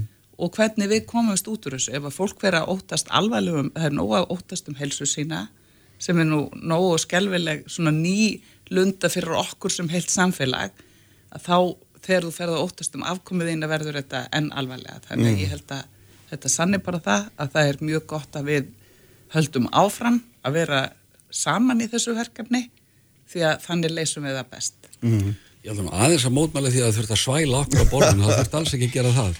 Það er þessi ítrekka þennu aftur að því að aftur einhvern veginn er ekkert annar um neitt heldur en starfsfólki sitt Mm. og uh, það þurft ekki að svæla okkur á borðinu til þess að leysa Nei, nei, þess Kanski stjórnveld. Já, já, en, ég ætla samt að eftir taka það. Já. Ég finnst að var hér búið að tilkynna ymsar aðgerðir áður en að bandaríkjafósetti lokaði bandaríkjum Norður Ameríku fyrir já. Evrópu en þannig að og það var augljóslega mikil vinna farin í gang þannig að við erum, mér sýnist verið að bregðast nokkur hratt og öruglega við og það eru þetta allskins skoðanir og rattir á lofti og guðusi lof, ég menna þetta er frjálst líðræðisviki sem við búum í. En þannig að ég held bara að það skiptir máli að við reynum að halda ró okkar eins og hægt er og reynum að vinna sem best saman í því að komast út úr þessu. Já, maður getur svona bara rétt í lokin kannski hérna því að, já, allt í leið, en hérna bara, en sko þetta er skemmtileg hugmyndum samstarfa því að við sjáum um þetta hérna bara eins og nágrann ríkja okkar, Danmark og Norður eru ekki mikið fyrir samstarfi, loka bara landamærunum sínum án þess að tilkynna það kom geða presti og þetta bandaríkinn gerði það líka og fleiri hafa gert það og hérna, en sko það sem hefur þetta líka sest í þessu kannski, ég veit ekki því muni nú all marga vetur aftur að, að hvað heimshagkerfi er orðið gríðalega samtvinnað og all framleiðslega þjónusta og all, all þessi keðja er, er hérna orðin einhver svona keðja sem rúlar milli heimsálfa fram og tilbaka og, og, og er, við erum svo nátengt öðru, fólki sem er svo langt í burtu og við heldum í raun og veru kannski fyrir tíu árum að kæma okkur svona ekki mjög mikið við. Já, já, það, það er alveg rétt og, og þetta hefur sínt mjög skýrt fram á það því að það eru versmiður einhver starf í Evrópu sem er að stoppa vegna þess að, að það vantar einhvern íhlut eða eitthvað frá einhverju borg í Kína sem ekki ekki eins og fundið á landakorti mm. eh, og, og eh, það eh, slík áhrif er út um allan heim að, að trubla framleiðslu sko jafnvel í fyrirtækjum þar sem er eilenginu veikur það er einhver veikur hjá einhverjum byrgja eða byrgja, byrgja Mm. og, og, og svo þetta ferðarþjónustan sem að sjálfkrafa verður fyrir höggi á einu staði eða verður vandræðið annar staðar.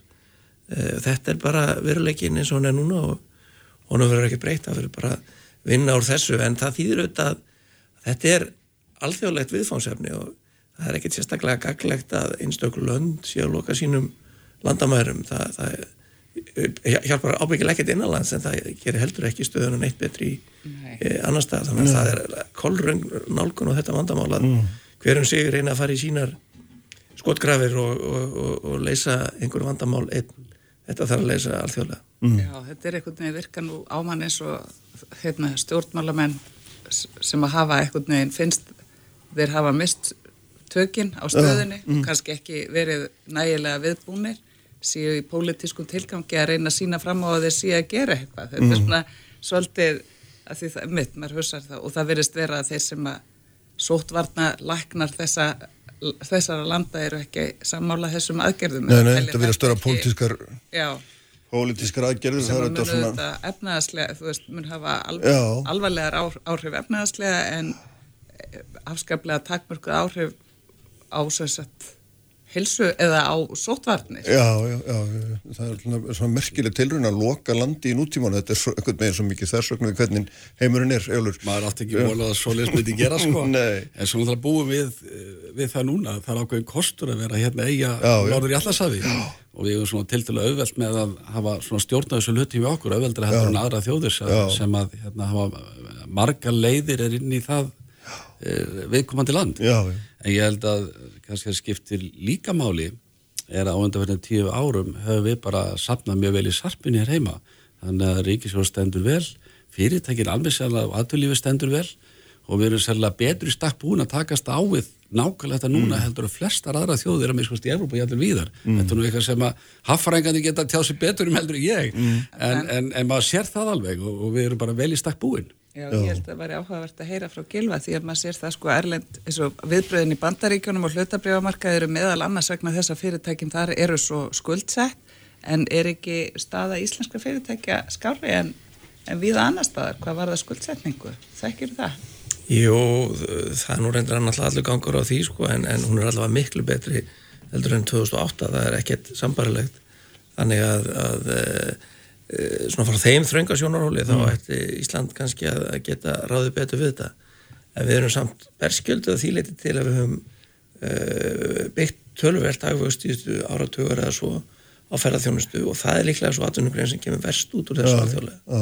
En það er okkar óhefni núna Mm. þetta var ekki mikið vandamáli að við verum bara að flytja út fisk eins og lengst á 20 stöld Nei, nei, Það, akkurat. og það er náttúrulega mikilvægt í þessari fjárfestingaáallun sem að á að fara að koma með að þar sé verið að fjárfesta í þekkingu og nýsköpun í gegnum sjóði og ekki bara verið að treysta á hérna svona ferðaþjónustuna til frambúðar. Mm. hún verði áfram eina af megin atvinnugreinum Íslands þá verðum við að styrkja okkur í ímisri nýsk, nýsköpun og annars konar verðmætasköpun en framfer í ferðaþjónustunni. Þetta eru svolítið skemmtilega umræða. Já, já. Við horfum 20 ára til tíman að Já. þá var ferðarþjónust að vanda til sem nei, á Íslandi. nei, Og í dag að eh, við þar aðstæðu sem eru að það skulle að, aðal umræfni hvernig höggi kemur þar niður núna Já, já. og það segir kannski að, að, að svo vegferð sem var lagt þar að stað í eh, upp úr 1960 að fjölga stóðorm undir, undir okkar hagkerfi eh, hefur gengið vel eftir fyrst með eh, náttúrulega uh, stóriðu stefninu stundum hefur verið gaggrínd en er, er skilaði sínu og svo ferða yðnaðinum og síðan það sem við hefur verið að gera í nýsköpun og þróun og, og, og, og tæknifyrirtæki mörg hverju svo Össur og Maral sem komu síðar Já. þau hefur aldrei komið ef ekki hefur verið þessar sterku undirstöðu sem til voru þá Já. og, og ég hef engar ágjör að ferða þjónstinni hún mun ná sér mjög hattastrygg ljómandi, við skulum láta þetta vera að loka orðin hérna. Þakka ykkur öllum fyrir að koma og hérna ég ætla að halda áfram hérna með Dave sinni borgarstjóra eftir augnablik. Fréttir þjóðmál og pólitík. Sprengisandur á bylgjunni. Kraftmikil umræða alla sunnudaga. Sprengisandur á bylgjunni. Sæli hlustendur, þau eru farin frá mér Egilur Átni, Rapsson, Gilvi Magnússon og Sýrir Ingibjörg Ingadóttir. Vonum svona aðeins að taka púls á þessum áhrifum öllum sem að hérna svona öfna svatunni lífið sér uh, við þessa veiru miklu og hérna ég ætla nú að halda áfram á þeim nótum aðeins en kannski aðeins frá öðrum bæjadýrum Dagur Bjarketsson, borgarstjóri Reykjavík, sæstur hjá mér, sætla blessaður og velkomin. Takk fyrir. Sko nú hérna uh, já það er, ég veit ekki alveg hvað er að byrja en ég, uh, fróðum aðeins sagði mér í gæri að, að, hérna, þú þegar þú varst að fara þegar þú fórst inn í pólitík þá varstu í raun og veru leiðin að vera sérfræðingur í smittsjúkdómum þannig að Já. ef við ekki bara aðeins að byrja þar? Að það, það var nú reyndin sko hérna. Og þá kannski ég veit ekki, þú veist, ertu finnst þér verið að gera allt rétt, allir segja já, það er allt rétt, þetta er allt frábært. En maður er alltaf hrættu þegar allir eru sammála þá svona þá getur það oft verið tómvillisar sko. Já, já, það er alveg rétt að, að hérna, eftir ég útsköðust úr læknisfræði og, og hérna vann hérna á bráðumatökunni og svona sem unglæknir að e, þá e, fyrir eiginlega röð tilvílina var ég svona laðist í laganám var að, að hérna stúdura mannittindarlög og og í raun tengingu mannittindarlaga og smittsjúkdóma Mhm. og skrifaði við að mér heilmiklu efni og skrifaði þetta og, og, og fekk síðan meðmæli frá þáverandi smittsjúkdómalækni Haraldi Brím e, og var komið með sérfræðinstöðu á einni stærstu smittsjúkdómadeldi í Evrópu í Stokkólmi þar sem að og, og það var meir en plan sko, það bara stóð til að ég ætla að fara þar í, í sérnám Já. og uh, gámurinn var á leiðinni til Svíþjóðar uh, þar sem að kona mín var í sínulæknanámi uh, og, og hérna þegar, þegar ég fæ þetta svona skrýtna bóðum að spreita mig á borgarpolítík Mm. og við snúum gamnum við og, er og þetta? er 2002 Já. og, og bara snúum lífin alveg á kvolf en, eh, en þarna í þetta árin á undan hafði ég lagt mig mikið eftir þessu og líka tekið hérna, verið í líðhelsunámi í Gautaborg þar sem að Norranni líðhelsu háskólinn er og var. Eh, þannig að þetta er svið svona, þetta er, þetta er ótrúlega spennandi svið. Mhm. þetta, er, þetta getur líka verið eins og allir þekkja núna mjög dramatíst og, og bara svona í sögun en, en ég skal bara viðurkenna það að ég mig grunaði aldrei enga síður Mm. sko, að, að við myndum lifa þetta einhvern veginn í nútímanum Nei, nei, að, að, að standa frammi fyrir heimsfaraldri veiru sem að uh, hérna uh, er ekki mótefni fyrir hjá, hjá neinum og þar með engin lækning við langt í bólefni allavega með að við svona líftíma svona faraldra Mm.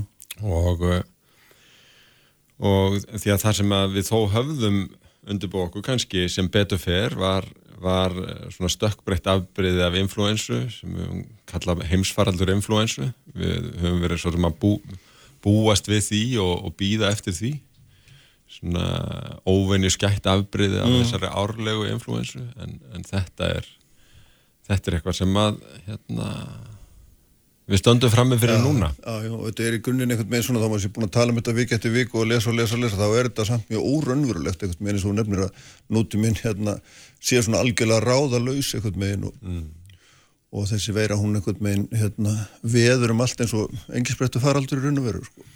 Já uh, en, en alveg ráðalös erum við ekki þegar að segja þessi svona faradursfræði og smittsjútumafræði ef við þrátt verið allt í gegnum svona árin og áratýna búið til ákveðna svona verkfæra kistu gagvart uh, þessum vanda og, og uh, eða svona þessum möguleika skulum við segja.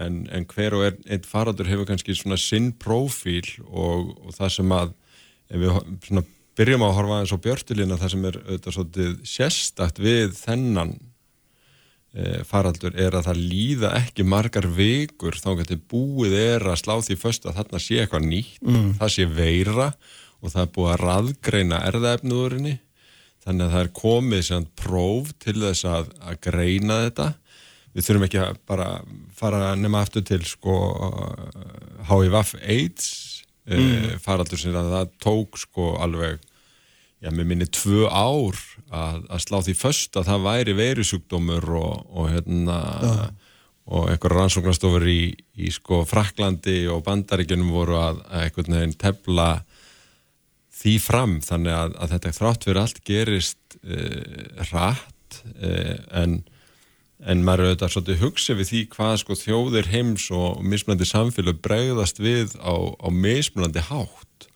og þó að það sé eitthvað sem að kannski verður ekki gert endarlega upp fyrir en einhvern tíman í, í framtíðinni að, að, að þá, þá er maður auðvitað svolítið hugsa við því mm, mm.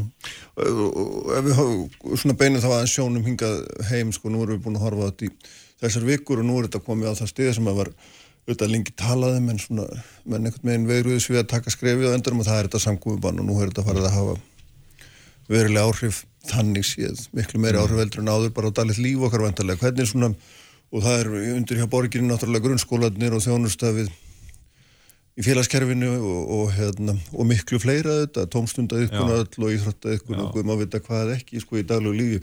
Hvað er svona Já, það sem að mér finnst sko aðdeglisvert við bara viðbúnaðin hér og það sem er svolítið sérstakt hjá okkur greinilega meða við önnurland og ég þykist ekki vera nokkurn á sérfræðingur í hvernig þau eru að grípa til viðbræða er að við erum fyrir margt löngu búin að ákveða að viðbræð við uh, heimsfaraldri sé ekki bara heilbriðismál uh, og í raun ekki bara mál sóttanarlæknis heldur almannavarnamál Uh, og hvað þýð það? Það þýður meðal annars það að ég sem borgarstjóri, ég er formar almannaverðnanemndar höfuborgarsvæðisins, Mhm. þar sem að hini bæjastjórnir sitja líka, en líka uh, lauruglustjórn á höfuborgarsvæðinu, Björgunarsveiti, Rauði Krossin, samráðsvettungu sem er vanur að vinna saman og tala saman um uh, alls konar vá, síðan erum við með stjórn slökkuliðsins, uh, þar sem að uh, ég er líka á samt bæjastjórunum uh, og slökkulistjóri er framkvæmdastjóri almannavarna á öllu svæðinu.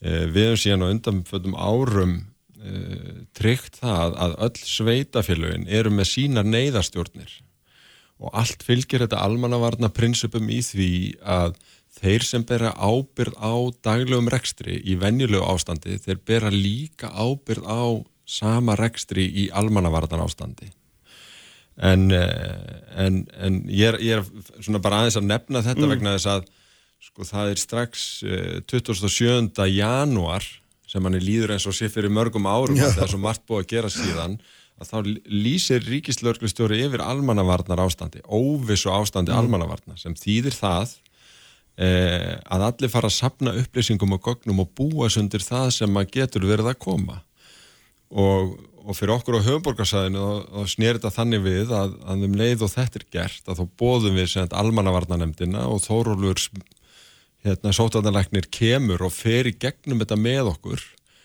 e, fyrir tilviljun þá hafði neyðarstjórn borgarinnar ætlaði að vera með æfingu halvan dag, þann mm. sama dag við ætlaðum að æfa rúst, rútuslis með fjölda barna sem þyrti áfalla hjálp og svo framvegis hérna mm -hmm. upp á Moselsheiði e, við breytum þeirri æfingu í uppfæslu allra áallana vegna e, farsóttar og höfum síðan hist reglulega í gegnum þetta eh, við færumst upp á hættustig 21. februar og síðan neyðarstig 28. og í gegnum þá fasa höfum við í raun eh, funda daglega og, og það sem að fylgir því að vera á neyðarstígi og hættustígi reyndar líka er að þú ert í raun í daglegu endurmati því að það er hluti af bara almannavarna nálgun að gera ráð fyrir mikill óvissu.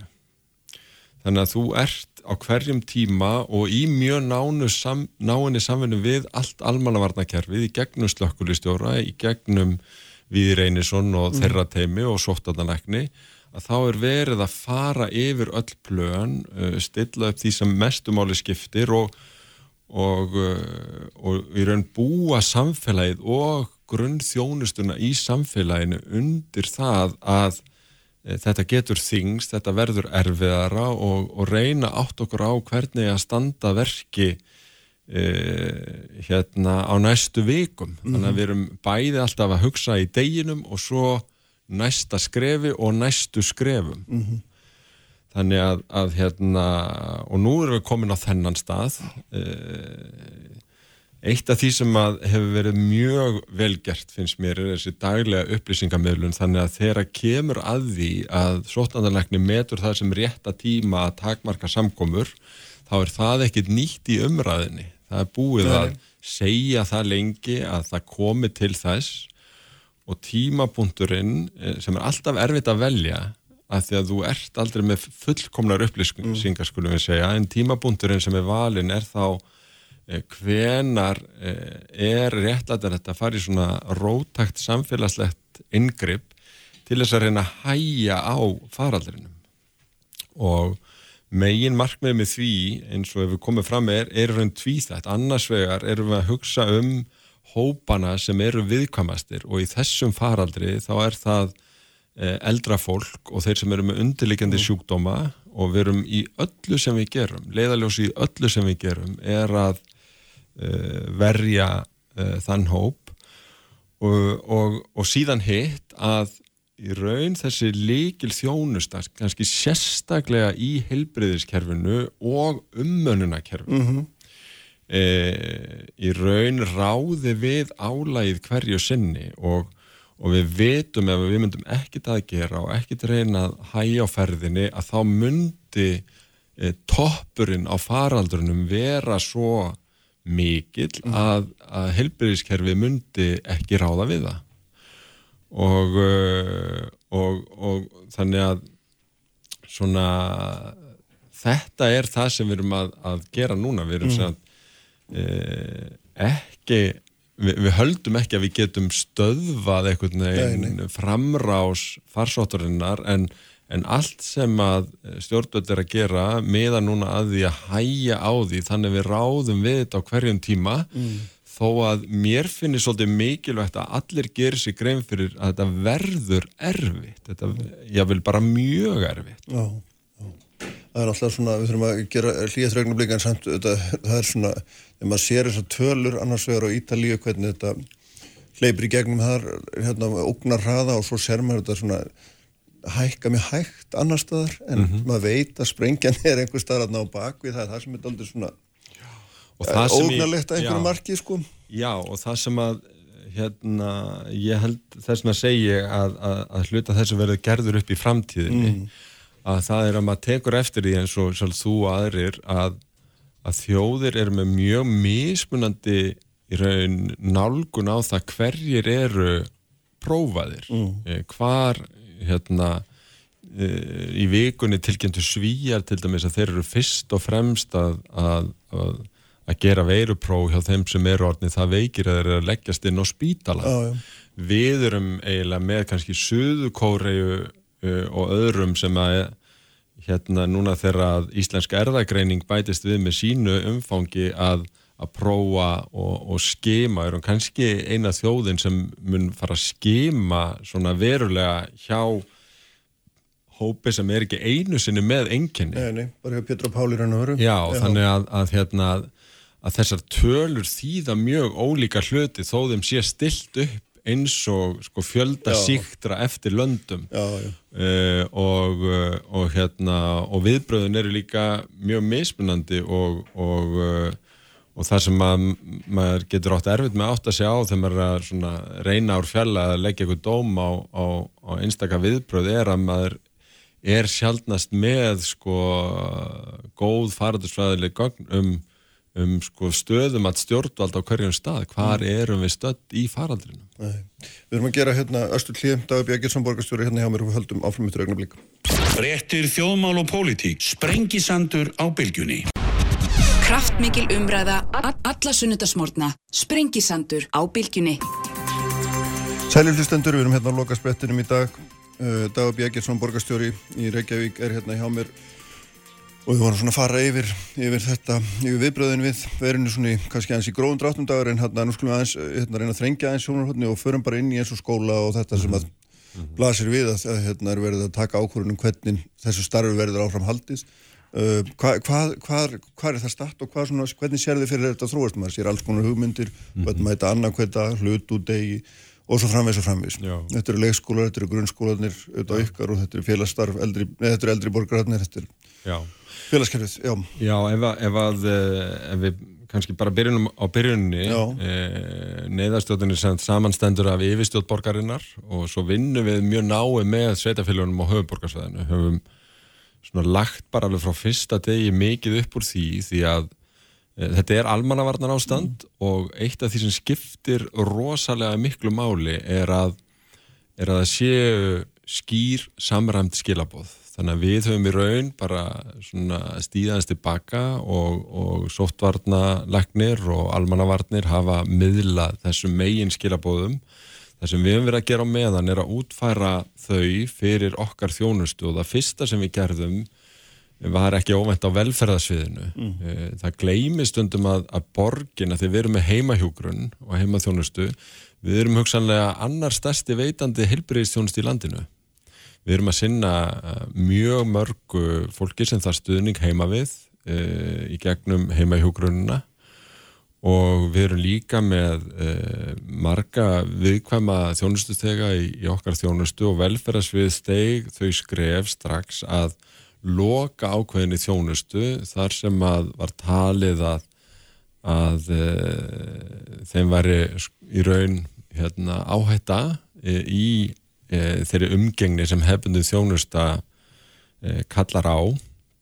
E, en, en e, við skildum ekki við málið þar heldur hefur síðan verið farið sko í raun bara einstaklingsbundið í að reyna að finna lausnir fyrir fólk. Vegna þess að við vitum að í þessum hópi er fólk sem að þarf mjög mikið á rútína að halda. Og í raun algjör einangrun eða yðjuleysi getur verið e, mjög alvarlegi sjálfu sér. Mhm. þó að, þó að hérna, við vitum að við viljum ekki að þeir viðkvæmastu fái síkinguna, það er eitt af leðaljósunum en, en núna eru verkefnin stærri og, og hérna lúta að ennþá fleiru. Uh, ef við byrjum bara svona á menningamálunum að þá er alveg ljóst að, að uh, takmörkun á samkomum yfir 100 manns í raun mun þýða að allt samkomuhald á vegum menningarstofnana uh, svo einhverju nemur mun leggjast af og, uh, og í samráði sem þeirra sem fara fyrir menningamálunum og sveitafélagunum að þá hefur það verið bara ákveðið yfir línuna. En um leið að að söp verði opinn þá það fólk að gæta að bara fjarlað milli, milli fólks og svo framvegis. Þannig að þau verða e, opinn e, hérna Eh, við hefum verið núna frá því að föstæðin og yfir helgina í, í mjög miklu samráði við Íþróttabandala Reykjavíkur, ISI, alla íþróttafulltrúan á höfuborgarsveðinu erum að skoða mögulegar útfæslur eða lokun á starfi. Sérsamböndin hafa strax líst yfir að keppnisleikin mun ekki fara fram næstu fjóra vikur. Þannig að ég á vona því að því að maður vil nú virða bara þetta samráð sem er í gangi e, og á að klárast í dag að, að áður en vikan skellur á að þá gefum við samræmt skilabóðum hvernig verði staðið að þessu. Mm -hmm. Eitt af því sem að margir spyrja sig um eru sundlögarnar og það er það sama þar. Mm -hmm. Þar er verið að bera e, í raun e, tilugur undir sóttarnalekni mm -hmm. og við reynum að gera það í öllum þessum skrefum þannig að við séum ekki með einhverja svona... Er að loka þeim til dæmis eða hvað? Já, það gæti e, komið til þess að við þurftum að loka lögunum e, vegna þess einfallega að við treystum okkur ekki til þess að tryggja þá smittgátt sem að talaður um í leifinningunum en það er verið að fara við það í dag og, mm -hmm. og hérna en, en stóra stóra verkefnið er er það að að búa samfélagið undir það að geta haldið úti skólastarfi mm. í leik og grunnskólum með einhverjum takmörkunum. Við viljum líka hafa ákvæmna smitgátt þar, bæða hópaðnir síkistar en 20 manns að það sé minni blöndun heldur en, heldur en hérna á svona venjulegu skóladegi þannig að við munum horfa á sérstakar lausnir út af matarmálum mm -hmm. uh, og kannski ekki, alls ekki nota mötuneytin eins og venjulega uh, við höfum verið að, að setja spurningamerki við það hvort að krakkanir séu mikið að fara úr sinni heimastofu til þess að list og verkarinnar, uh -huh, íþróttur -huh. og sund að þetta verði kannski kennsla sem verði meira bundin við uh, heimastofurnar Uh, ég var með í ráðusinni í gær stóran fund uh, með kennarafórustunum, metamálaráðundunu, sóttarnalekni og, og víði frá ríkislauglustjóra þar sem vorum að ræða þetta því að það skellaði þetta spurningar á öllum frá áhengifullu starfsfólki sem vil heyra bara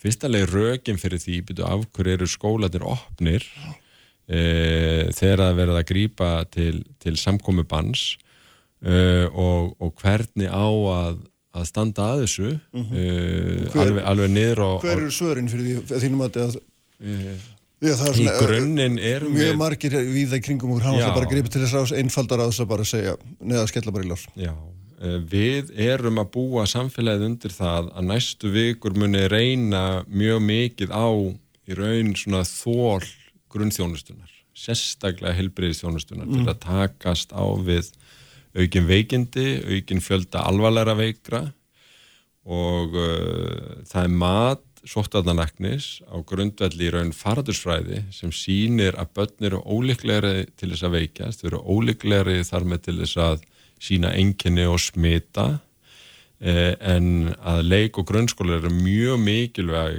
stóðþjónusta til þess mhm. að samfélagi haldi virkni og, og þessi framlýna sem er mjög víða eh, hérna sé órofinn Þannig að í, í raun má segja við erum að kalla starfsfólk eins og við erum að gera í ummönunni inn á velferðarsviði eins og við erum að gera í hilbyrðiskerfinu. Við erum svolítið að kalla á skólasamfélagið að, að standa með okkur í framlínunni uh, næstu vikunar gegnum þennan tíma sem við skulum bara bú okkur undir að verði mm. þungur mm. og erfiður. Oh. Við vitum að, að hérna að, að við, það getur komið til þess að við þurfum að endur skoða nálgununa, endur skoða einhverja ákvarðanir, einhverju skólar munu loka vegna þess að kennarar e, veikjast eins og við höfum séð á undanförnum dögum en, en, en þetta er hlut af því að tryggja næjanlegan svona viðnámsþrótt mm -hmm. í mhm. þjónustunni og við, þetta eru hérna, aðstæði sem við höfum aldrei verið í áður, við þurfum að, að, að bú okkur undir hérna, að eiga þetta samtal við starfsfólkið okkar og, og við erum til dæmis uh, bæði að leggja línur um hvernig við svona, gætum að sótvörnum uh, sem hluta af skólahaldi en við erum líka að gefa leiðbynningar til starfsfólk sem eru með undirlikjandi sjúkdóma mm. eða teljast til áhættu að hópa að, eh, að, við viljum hérna huga sérstaklega þeim Mhm. þannig að, að, að þetta er svona í raun hildar hugsun sem, sem þarf að vera í Já. þessu en við viljum gangi takt þannig að, að við erum að ljúka því samráði í dag og ekki bara á höfuborgarsvæðinu líka við samband sveitafélag og ráðnetið og, og kennara e, fórustuna og ég vonast til þess að, að svona samili yfirlýsing frá öllum þessum aðilum e, sem hefur að tala saman yfir helgina verið gefin út í dag Já. því að við, við erum einfallega saman í þessu, það sem hljóma kannski eins og slagur, við erum öll almannavarnir. Já, já. það er samt bara rosalega mikið til í því því að nú, nú reynir einfallega á okkur sem samfélag að, að e, við sem óvenju opinn fyrir að hlusta hvert og annað á ekki hvers annars en, en áttum okkur líka á því að, að við erum öll hlekkir í, í ristóri Já. keðju sem þarf til þess að heilbyrðistjónustan haldist uppi til þess að, að hérna, við hægjum á útbreyslu veirunar eins og hægt er eh, og, og hérna, en, en auðvitað endumettum og, og notum áfram mm. skynnsemina í hverju skrefi. Já, en þannig að svona ef, ef maður væri fóreldri með börn á grunnskólaldri þá myndi það vera þannig eh, svona gróft séð að, að þau ættu bara að mæta á þriðudaginn og halda áfram það væri eldismæri hópar og kannski ekki fara á milli stofan að öðru leitir ekki mikið að breytast þá þýr ekki að hugsa um að fara í þetta með eins og nefntu öfri annarkvæð dag bara fyrir eftir hátið eða, eða